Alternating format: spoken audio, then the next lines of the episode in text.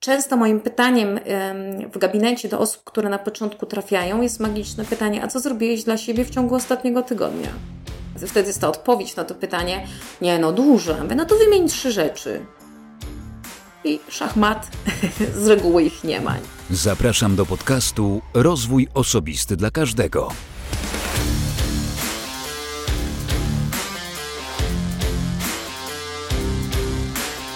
Cześć.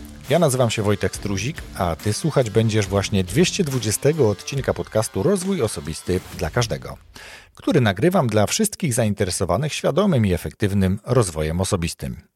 Dzisiaj moim gościem jest Aleksandra Jaruga, ale zanim zaproszę do rozmowy z Olą, a z Olą rozmawiałem o stresie i radzeniu sobie z nim, to przypomnę, że w 219 odcinku, odcinku solowym, ja mówiłem o śnie. Dlaczego sen jest ważny?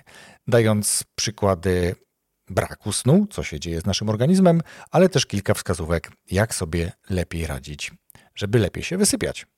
Więc jeśli nie słuchałeś jeszcze, nie słuchałaś 219 odcinka podcastu, to gorąco Cię do tego namawiam. A teraz zapraszam do wysłuchania rozmowy z Olą Jarugą, z którą rozmawiałem o stresie, o sposobie radzenia sobie ze stresem, o tym, czy mamy i jaką mamy świadomość ciała, czy odpoczywamy, czy potrafimy odpoczywać, co dla nas jest odpoczynkiem generalnie. I czy na przykład zmiana pokoleniowa wpłynie na to, że również my będziemy umieli lepiej sobie ze stresem radzić. Jak stawiać granice i parę innych rzeczy, wszystko w kontekście czy wokół stresu. Więc gorąco namawiam do wysłuchania rozmowy z Olą Jarugą. Witam wszystkich serdecznie. Ja nazywam się Aleksandra Jaruga. Jestem psycholożką, psychoterapeutką. Tworzę portal Psycholog Online 24. Zajmuję się psychoterapią i psychoedukacją przede wszystkim. Krótko, zwięźle i na temat tak bym powiedział. E, bardzo dobrze. Porozmawiamy sobie dzisiaj trochę o stresie, natomiast zanim sobie porozmawiamy o tym stresie i co tam nam jeszcze e, ślina na język przyniesie, to ja zawsze też pytam gości o to, żeby powiedzieli, z jakich narzędzi rozwojowych korzystają, co jest czymś takim, co daje e, tak, takie poczucie progresu, poczucie tego rozwoju. Co jest tym progresem, czy tym narzędziem bardziej u ciebie? Przede wszystkim mój zawód, ponieważ e, psychoterapia to nieustanne, w całym tego słowa znaczeniu, nieustanne szkolenie się. W zasadzie, jeśli kończysz jakieś jedno uprawnienia, za chwilę zaczynasz robić kolejne i cały czas w zasadzie musisz być w jakimś własnym de facto procesie. Więc to, co mnie najbardziej rozwija, to zawód, który wykonuję, szkolenia, w których no, tak naprawdę nieustannie jakoś uczestniczę, które zmuszają mnie do pracy nad sobą, do pracy nad swoją głową. E, I myślę, że przede wszystkim jeszcze bardzo, bardzo rozwijają mnie moi pacjenci, ponieważ w zasadzie przy każdym z nich uczę się czegoś nowego. Opowiadają mi o swoim życiu, opowiadają mi o swoich branżach, o tym, co robią, i w zasadzie nieustannie uczą mnie czegoś, czego nie wiedziałam o świecie, tak naprawdę. Więc każdy proces, każda osoba, każda ich historia pobudza jakąś kreatywność i poznawanie świata też. No, bardzo ładnie. I też lubię uczyć się od różnych osób, od osób, z którymi pracuję, chociaż ostatnio Wczoraj chyba w rozmowie telefonicznej e, znajomemu powiedziałem, że w sumie chyba najwięcej nauczyłem się od osób, od których nie chciałbym się nigdy uczyć. To znaczy wcale nie od najlepszych szefów na przykład się uczyłem, tylko raczej od tych słabszych. Więc faktycznie można się na różne sposoby uczyć i rozwijać. Dobrze, Olu, jeśli tak mogę e, mówić, bo przedstawiłaś się Aleksandra, tak. więc nie każdy e, lubi swoje odmiany imienia. E, jak wspomniałem, będziemy dzisiaj rozmawiać o stresie. Wiemy, że on jest e, jakby wszechobecny i w trochę innym wymiarze niż ten, o którym też mówią naukowcy, że on zawsze był. Dzisiaj mamy jakby do czynienia bardziej z tym stresem permanentnym. E, ale zanim sobie o nim porozmawiamy, to chciałbym Ciebie poprosić o to, żebyś przybliżyła nam generalnie, czym w ogóle jest stres. A więc bardzo, bardzo ogólnie mówiąc, stres jest pewną no, taką nieswoistą reakcją organizmu na bodziec. Tylko tak, wieki, wieki temu bodźcem stresującym był ten lew spotkany na drodze, wilk bądź cokolwiek innego i to miało zmobilizować maksymalnie organizm do ucieczki bądź do walki. a dzisiaj mamy stres w zasadzie dookoła. To jest e, nasza praca, to jest nasze życie, to jest ta zwykła codzienność, to jest wyjście na ulicę i e, to, że tam też musimy jakoś przetrwać, więc e, to jest odpowiedź naszego organizmu na te wszystkie bodźce, które docierają do nas w zasadzie permanentnie 24 na dobę, których jest multum, w których musimy działać, być reaktywni, być super wydajni, bo przecież takie mamy czasy i to jest to wszystko, co dzieje się z naszym organizmem w tych e, szalonych czasach. Mhm. No właśnie, dobrze, że powiedziałaś, że onegdaj tak bywało, że uciekaliśmy przed wilkiem. Uciekaliśmy, czyli generalnie ten mechanizm polegał na tym, że albo uciekamy, albo się bronimy, tak? Czyli y, dzisiaj generalnie mamy ciągle tą walkę i szukamy różnych sposobów y, radzenia sobie z tym.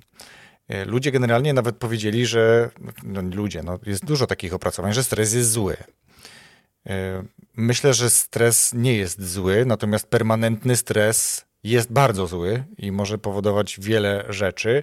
Natomiast y, porozmawiajmy sobie trochę głębiej o tych źródłach stresu, dlatego że mm, to nie jest tak, że według mnie oczywiście, że każdy ma dokładnie takie same źródła stresu, bo jedna wiadomość w telewizji, e, czy otrzymana wiadomość w mailu u jednej osoby będzie przyjęta jako ok, jakiś komunikat, a u drugiej wywoła szereg tych reakcji, które będą powodowały, że ten kortyzol tam będzie nagle buzował i ta osoba zacznie się, nie wiem, pocić, obawiać, e, nie wiem, rozmowy roczne, e, rozmowa z trudnym klientem, co może być, albo co jest najczęściej, tak jak na przykład rozmawiasz z pacjentami, co u nich najczęściej jest źródłem takiego silnego stresu? Mówmy to o takim, o, o takim trochę silniejszym stresie niż jakimś takim do przeżycia. Niestety tu odpowiedź będzie pomidor. Bo u każdego jest trochę inaczej. Ale mhm. zacznijmy może e, trochę od jeszcze innej strony.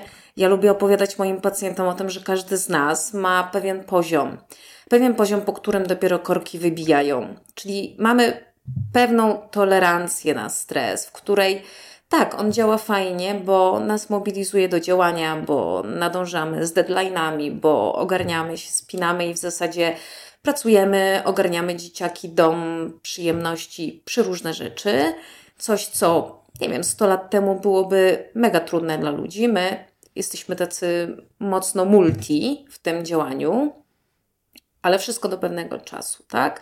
Czyli dochodzisz do momentu, w którym wybija ci korki, i to jest najczęstszy moment, w którym ludzie się zatrzymują. Kiedy włącza im się bezsenność, kiedy włącza im się, nie wiem, e, włącza im się bóle somatyczne, bóle żołądka, biegunki, kiedy rozpoczynają się choroby, kiedy autoimmunologia wysiada, tarczyca wysiada, i wtedy na przykład e, przychodzą do lekarza, a lekarz albo znajduje autoimmunologiczne jakieś choroby, Albo mówi, mm, no nie ma tu choroby, ale to jest stres, proszę iść sobie do terapeuty. I wtedy dopiero zaczynają się zatrzymywać ci ludzie, typu, no ale skąd to? Nie? Przychodzę z objawami. No i zaczęło się to 4 miesiące temu. No i są trochę zdziwieni, kiedy, kiedy ja wypytuję o rok wcześniej, czyli jak to życie wcześniej wyglądało. No i nagle się okazuje, że tak, ta pojemność organizmu bardzo, bardzo długo była na maksimum obrotów. I dla jednego to będzie bardzo stresująca praca, a dla drugiej osoby to będzie na przykład siedzenie na macierzyńskim z dzieciakami.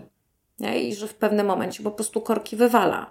Nie jesteś w stanie wytrzymać kolejnego dnia wyglądającego tak samo, w którym jesteś zestresowaną matką, przemęczoną od niespania i tak naprawdę wszystko toczy się między pampersem a kaszką. I dla każdego będzie to coś innego. Komuś innemu wywali korki w zasadzie dosyć niewinnie, nie? Bo zaczną się bóle głowy, które rozlewają się do totalnych migren. Więc źródłem w zasadzie może być wszystko, bo dla jednych to będzie bardzo stresująca praca, a dla drugich to będzie na przykład w połączeniu z depresją, na przykład siedzenie w domu, nie? Że, że ugrzęźli w domu. Mhm. A powiedz mi, czy można w jakiś sposób wcześniej przewidzieć, że dzieje się już teraz coś niepokojącego, zanim jeszcze dojdzie do tych zaburzeń snu, do tych permanentnych bóli głowy, czy silnych bóli głowy, migren. E, ja przeżywałem taki okres, więc u mnie to jeszcze było obfite pocenie się, e, wręcz zatrzymywanie akcji serca, jak słyszałem głos e, pewnej osoby na przykład, tak, więc jakby ta osoba u mnie wywoływała duży, duży stres. Ale zanim do tych objawów dojdzie, to czy jest szansa, żebyśmy my zatrzymali się wcześniej niż jakby życie nas do tego zmusi i zdrowie nas do tego zmusi i zrobili sobie taką refleksję, że to nie za dobrze wygląda, nie w dobrym kierunku to idzie, w złym kierunku to idzie wręcz. Jest taka szansa? Tak, ale my tego nie robimy z reguły. Niestety, ponieważ bardzo mała część naszego społeczeństwa ma w ogóle taką rozbudowaną świadomość własnego ciała.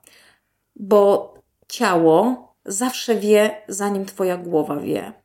Czyli ciało zaczyna się nadmiernie spinać, ciało zaczyna trochę inaczej pracować. I gdybyśmy odczytywali pierwsze sygnały z tego ciała, że ono nie jest do końca luźne, że ono jakoś nadmiernie zaczyna reagować, że ono jest nadmiernie spięte, bo często zaczyna się od takiego dużego spięcia w obręczy barkowej. I chodzimy z tym miesiącami. Pomijamy jeden naprawdę z pierwszych sygnałów, tak naprawdę takiego gigantycznego dla nas stresu. Mówimy sobie, nie no, musisz dać radę. Czyli to, co mogłoby się pojawić na dużo, dużo wcześniej, dużo wcześniejszym etapie, to by była świadomość ciała, umiejętność obserwowania własnego ciała, ale też zachowanie tego balansu, bo my naprawdę mamy ogromny problem z zachowaniem balansu. To, co um, ludzie um, na południe Europy mają um, tak bardzo kulturowo wdrukowane, że jednak popołudnie spędzają bez tych telefonów. Otoczeni rodziną, wychodzą, siedzą, relaksują się, tak czerpią z tego życia. Tak trochę my w Polsce tego nie mamy. I to jest też trochę kulturowo uwarunkowane, i zachowanie balansu też bardzo by nas chroniło, kiedy no właśnie, nie tylko gonisz, ale znajdujesz czas dla siebie. I często moim pytaniem w gabinecie do osób, które na początku trafiają, jest magiczne pytanie: A co zrobiłeś dla siebie w ciągu ostatniego tygodnia? Wtedy jest, pyta- wtedy jest ta odpowiedź na to pytanie: Nie, no dużo. No to wymień trzy rzeczy. I szachmat, z reguły ich nie ma. Nie ma tych trzech rzeczy. Czasami jest jedna typu: ugotowałam sobie obiad, y, ale gotowałam dla całej rodziny. No, to nie jest tylko robienie czegoś dla siebie, bo pół godziny czasu dla siebie każdego dnia, w którym możesz wypić kawę, zatrzymujesz wszystko, ale masz ten czas, żeby zatrzymać się z własnymi myślami, z własnym ciałem, żeby zobaczyć, co Twoje ciało Tobie mówi, no to tu jest recepta na zachowanie balansu, tu jest recepta na to, żeby zawczasu zobaczyć, zanim stres nas zje. Mhm. A czy to nie jest jeszcze czasem tak, że tak jak mówisz, że przychodzi taki ból w obręczy barkowej, czyli takie przysłowiowe kaptury nas bolą, tak? Czasami gdzieś tak. trochę trudniej się e, kręci głową, ta mobilizacja czy ta mobilność tak naprawdę jest ograniczona w jedną lub w drugą stronę. To sobie nagle tłumaczymy to, że to jest e, przewiało mnie na przykład, tak? I mam jakiś postrzał. Albo e, siedzę i, i to na pewno wynik tego, że nie mam ruchu. Czyli jakby cały czas nie nie dopuszczamy do siebie tego, że to nie jest czynnik stricte fizyczny, że my siedzimy i dlatego jesteśmy pospinani, tylko właśnie stres powoduje, że my się spinamy, że jest masę innych takich tematów zastępczych, które sobie dajemy, e, czy dopisujemy do tych objawów, które są, a które e, powinniśmy być może właśnie traktować jako te objawy niepokojące, gdzie no, trzeba znaleźć ten balans, tak? Trzeba trochę zluzować, trochę zwolnić. Ja bym odpowiedziała pytaniem na pytanie, czy to nie jest też tak, że trochę tego się wstydzimy, żeby przed samym sobą przyznać, żeby przed innymi przyznać, że coś nas za bardzo stresuje, że już na nas oddziałuje, że możemy nie dać rady i że to może być też ok. Wiesz co, ja chętnie rozmawiam z terapeutami, psychoterapeutami, e, psychologami, dlatego że gdzieś w tych rozmowach przemycamy czy staramy się przekonywać słuchaczy podcastów, odbiorców tych treści do tego, że przyznanie do tego, że a, nie jestem doskonały, mogę popełnić błędy, czy popełniać błędy, e, mogę nie dowozić, mogę mieć gorsze samopoczucie, e, mogę płakać i to dotyczy zarówno e, obu płci. To, to jest jakby rzecz naturalna. I i, warto sobie na to znaleźć w sobie przestrzeń, przekonać się do tego, że to jest coś, co jest e, normalne. To jest jedna rzecz. Druga rzecz, jeżeli czuję, że ciężar, który jest na moich barkach, i to wiemy już nie jest od siedzenia 8 czy 10 godzin pracy przy komputerze, tylko raczej też wynik stresu, który mamy na sobie, czyli ten ciężar nas przygniata, że powinniśmy poszukać kogoś, kto nam trochę tego ciężaru zdejmie. I to nie zawsze jest rozmowa z osobą bliską, chociaż w pewnie pierwszych jakichś takich stadiach też to pomoże, tak wygadać się. E, ale czasami to już nie wystarczy i trzeba iść właśnie do takiej osoby jak ty, czy do innych terapeutów, psychoterapeutów, którzy potrafią zadać odpowiednie pytania, naprowadzając na pewne odpowiedzi, a w ostateczności powiedzieć, no, chyba to już raczej mm, psychiatra i, i farmakologia, tak? bo, bo czasami do takich sytuacji dochodzi.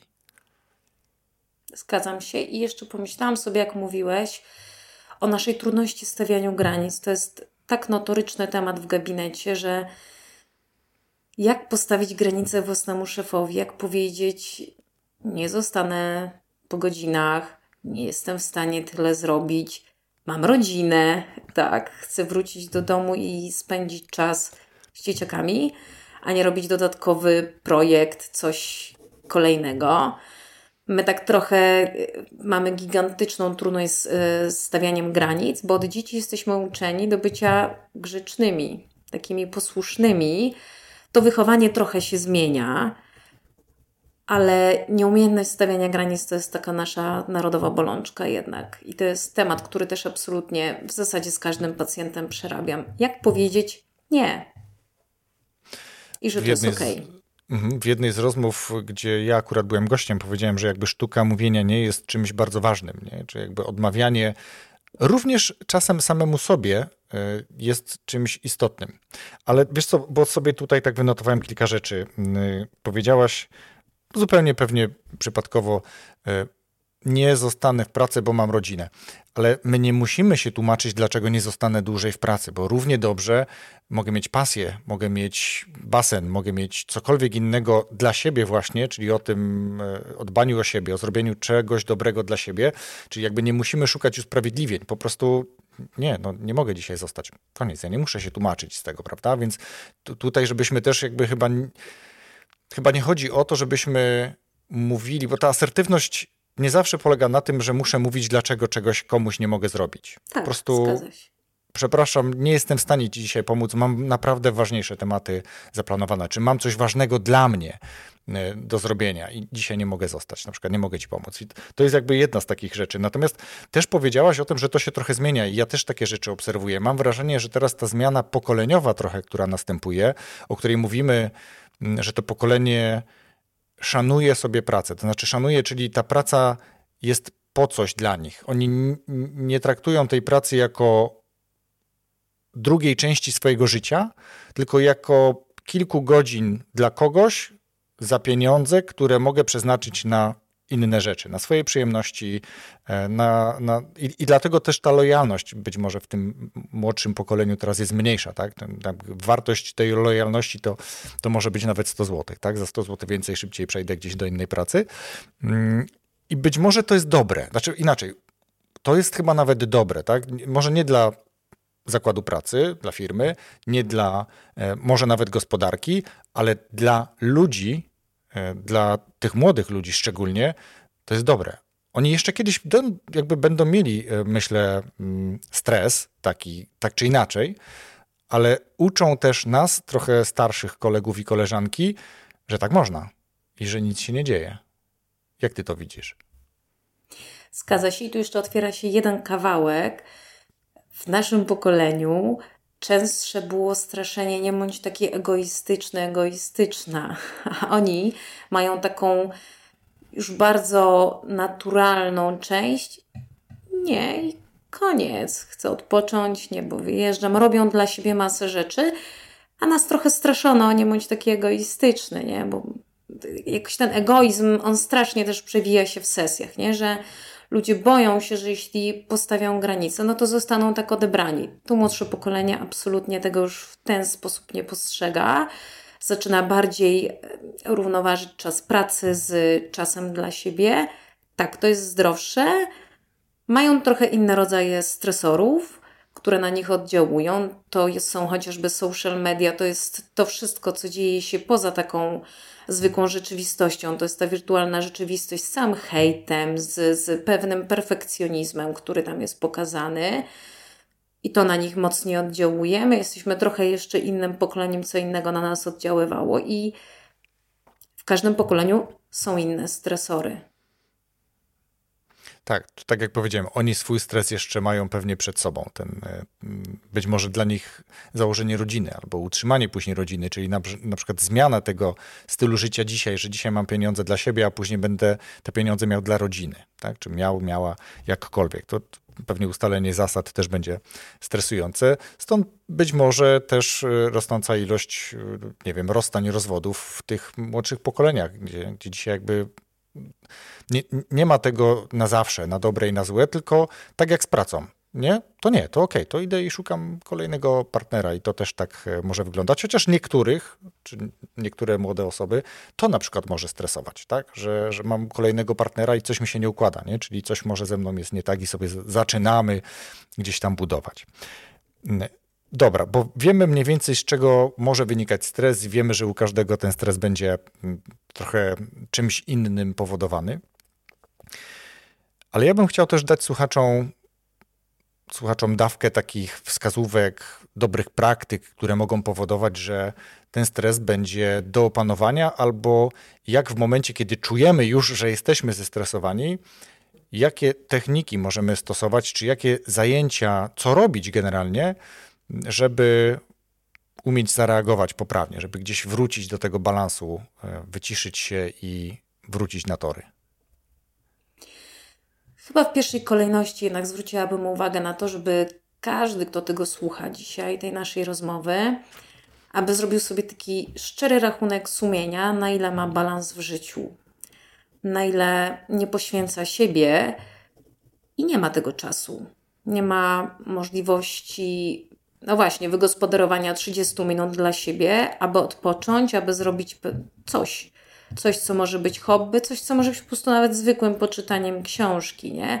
To nie musi być super ambitne, ale żeby znajdować balans. Po drugie, bardzo mocno położyłabym nacisk na rozbudowanie świadomości własnego ciała.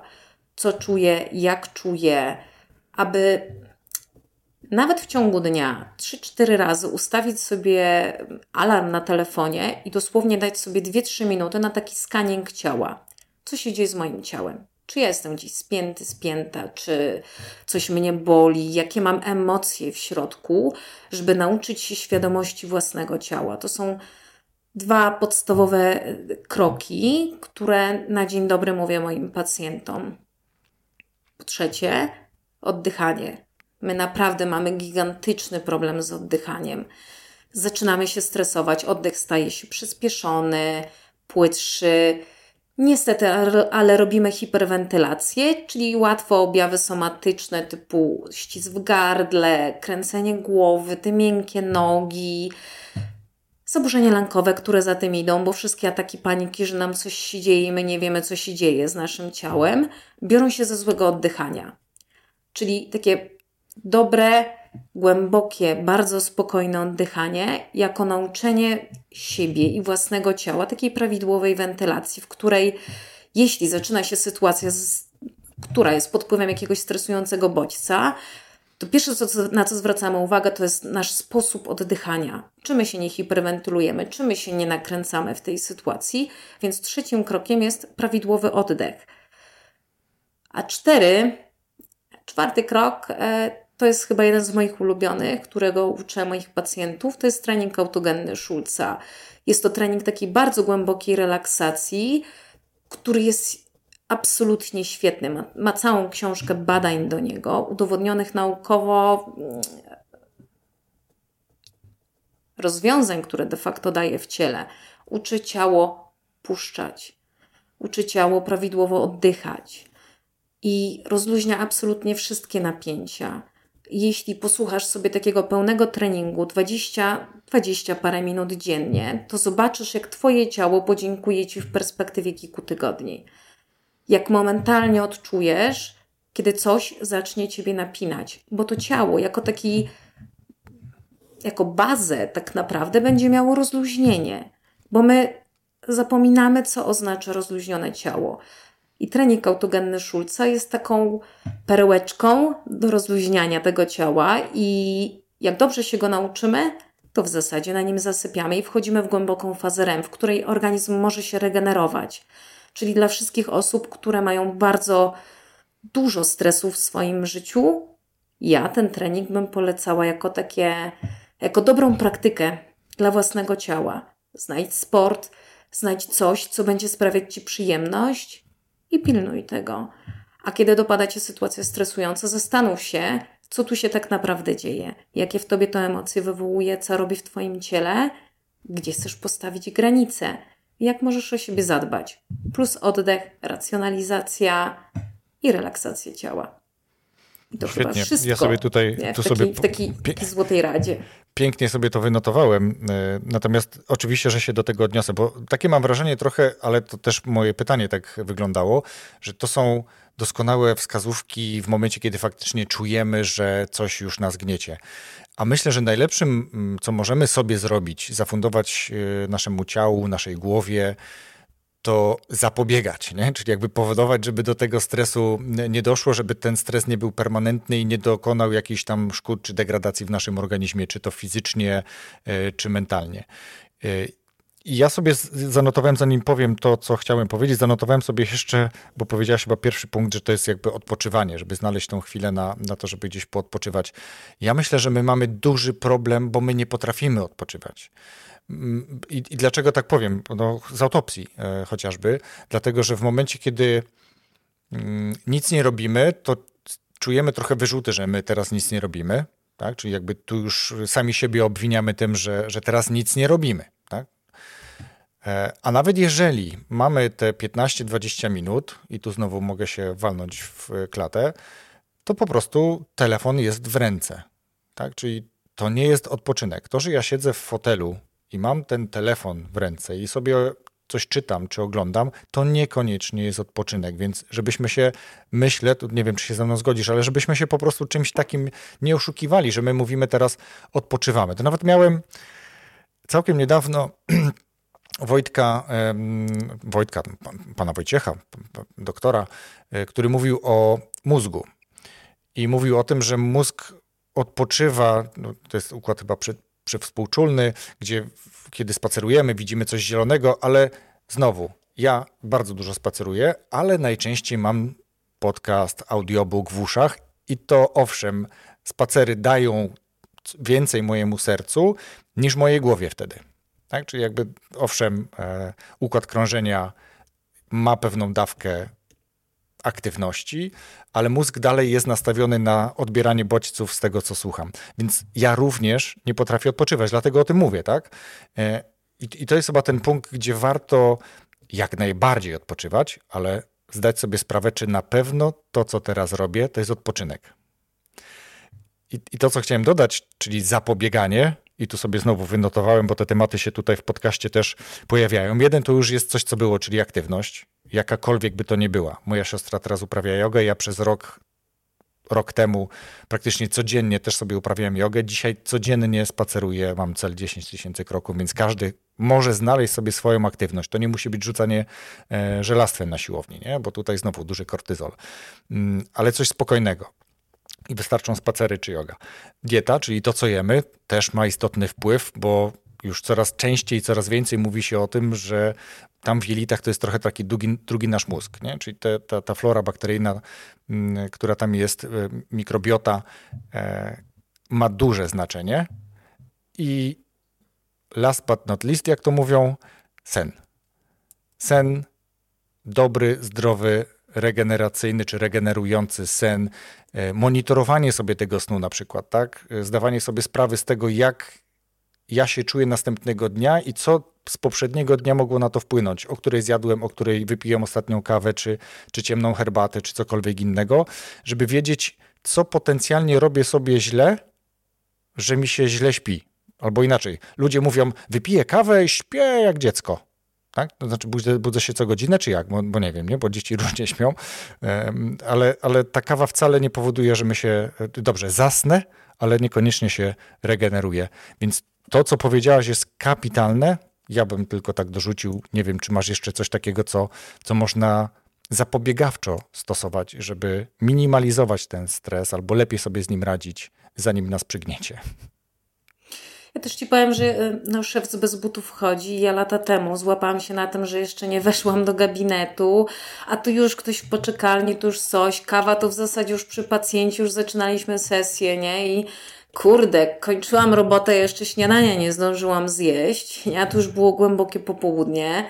I tak pewnego dnia w tym moim gabinecie, wtedy jeszcze pracowałam na, na etacie, tak się ocknęłam na zasadzie, co ty robisz, nie? I zmieniłam to już następnego dnia. Pierwsze co, to wchodziłam i zamykałam drzwi na kluczyk i mówiłam 30 minut. I sobie zaparzałam kawę, piłam ją patrząc przez okno i tak mi zostało do dnia dzisiejszego. Zaczynam Super. dzień, wywożę dzieciaki do, do szkół, robię kawę, staję przy oknie i 30 minut. Nie telefon, nie scrollowanie, nie laptop, nie poczta, nie radio. W totalnej ciszy. Dopiero po pół godziny, jak wypiję sobie kawę, okej, okay, zaczynamy sesję, zaczynamy wszystko, wtedy są maile, wtedy są telefony, wtedy jest wszystko, ale muszę zacząć od takiego resetu głowy. Po prostu, żeby popatrzeć, jak ludzie idą ulicą, żeby zobaczyć drzewa, żeby zobaczyć niebo, żeby zatrzymać się od samego rana jedzenie tak, do tego musimy mieć zdrową dietę, ponieważ, tak jak wspomniałeś, jelita, drugi nasz mózg. I to, co najczęściej siada przy stresie, to autoimmunologia. My zaczynamy zjadać nasz organizm, e, kortyzol tak sobie szybuje, że my rozwijamy przeróżne choroby i ludzie nie wiedzą skąd to jest. I to jest typowe już teraz dla nas i dla kolejnych pokoleń, że my idziemy w autoimmunologię. I coraz częściej lecząc autoimmunologię, pacjenci poza typowym leczeniem farmakologicznym u przeróżnych lekarzy, od neurologów po internistów, jednocześnie są kierowani na terapię.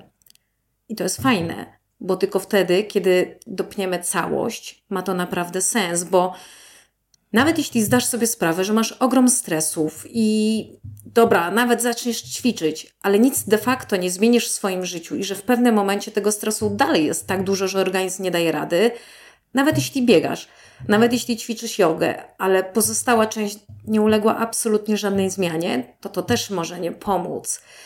I bardzo często, niestety, ale od naszych pacjentów konieczna jest pewna zmiana, modyfikacja życia. Czasami ta praca absolutnie nie jest warta tego, żebyś poświęcił całe zdrowie i potem spędził resztę czasu u lekarzy, lecząc się, bądź, bądź będąc już zawsze na jakiegoś typu lekach, tak? Bo jeśli ci się na przykład rozwinie cukrzyca typu drugiego, no to masz przekichane.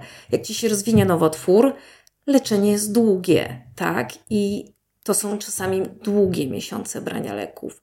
Więc czasami musimy naprawdę bardzo zmienić nasze życie, dokonać wyborów, Choć ja lubię powtarzać zdanie, brak wyboru też jest wyborem. Jeśli nic nie zmieniasz, dalej siedzisz w tym samym i stres dalej na ciebie działa, no to też dokonujesz wyboru. To jest cena, jaką płacisz.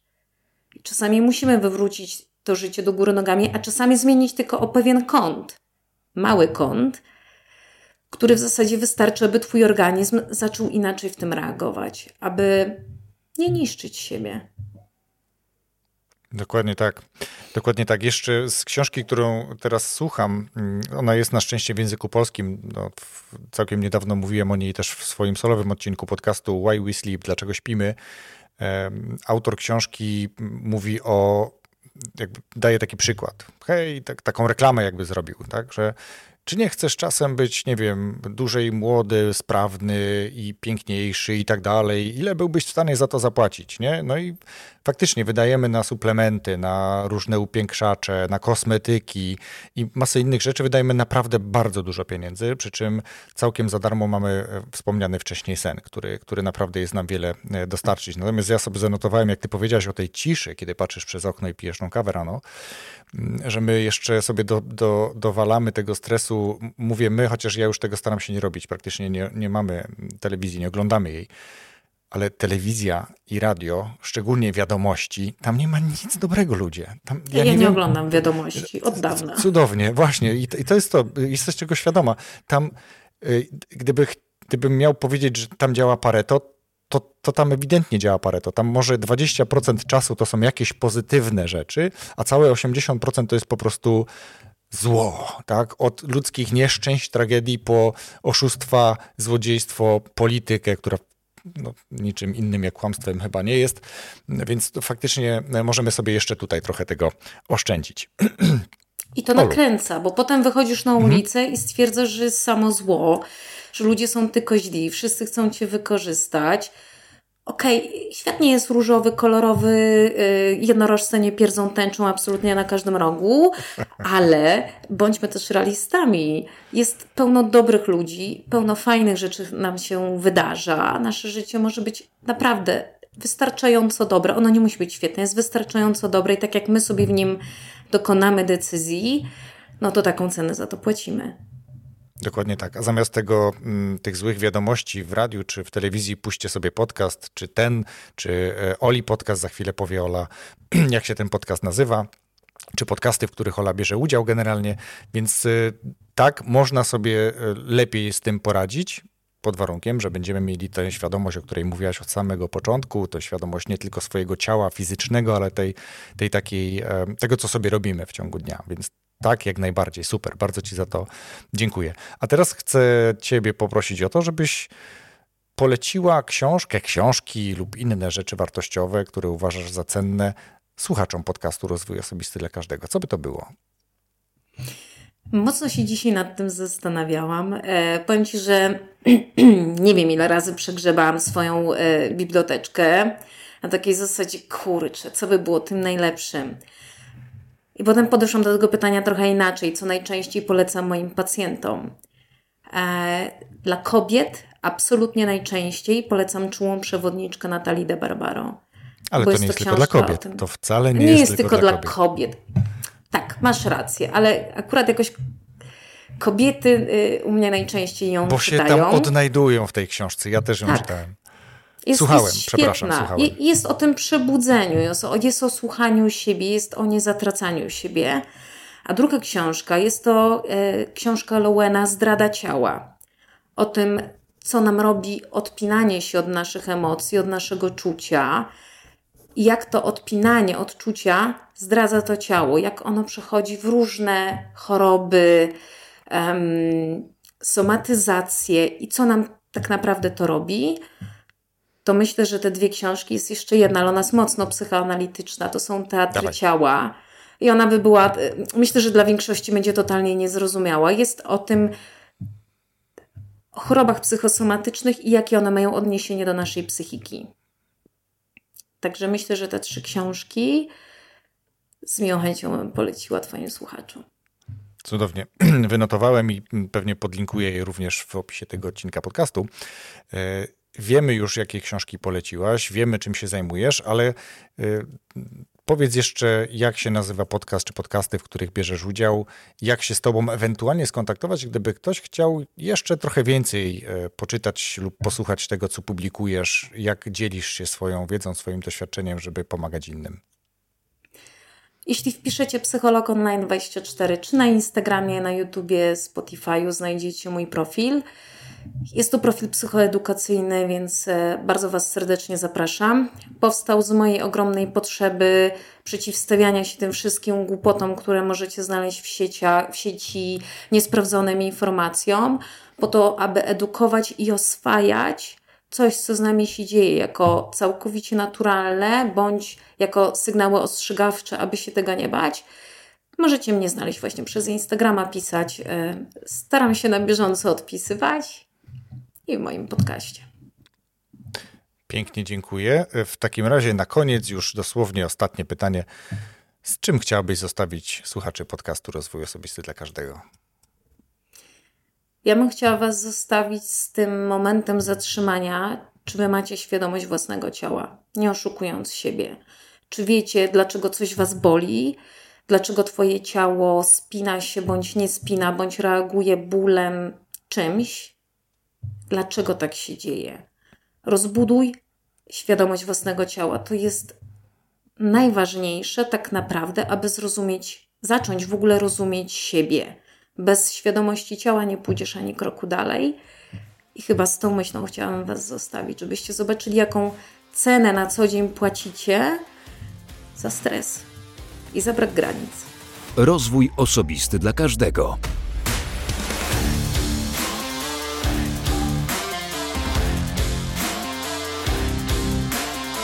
Dziękuję Ci za wysłuchanie rozmowy do końca.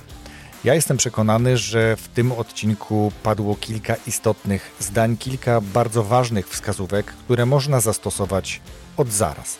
Tak jak Ola powiedziała, że zdała sobie w pewnym momencie sprawę z tego, że przychodzi do pracy i nawet nie zdąży wypić kawy, a śniadanie je późnym popołudniem i z dnia na dzień zmieniła ten zwyczaj, tę praktykę, więc ty również możesz z dnia na dzień pewne rzeczy zmienić w trosce o siebie, w trosce o swoje zdrowie. Gorąco Cię do tego namawiam. Namawiam Cię również oczywiście razem z moim gościem, z moją gościnią, Olą Jarugą. Wszystkiego dobrego dla Ciebie i słyszymy się już za tydzień w piątek z nowym odcinkiem podcastu Rozwój Osobisty dla każdego.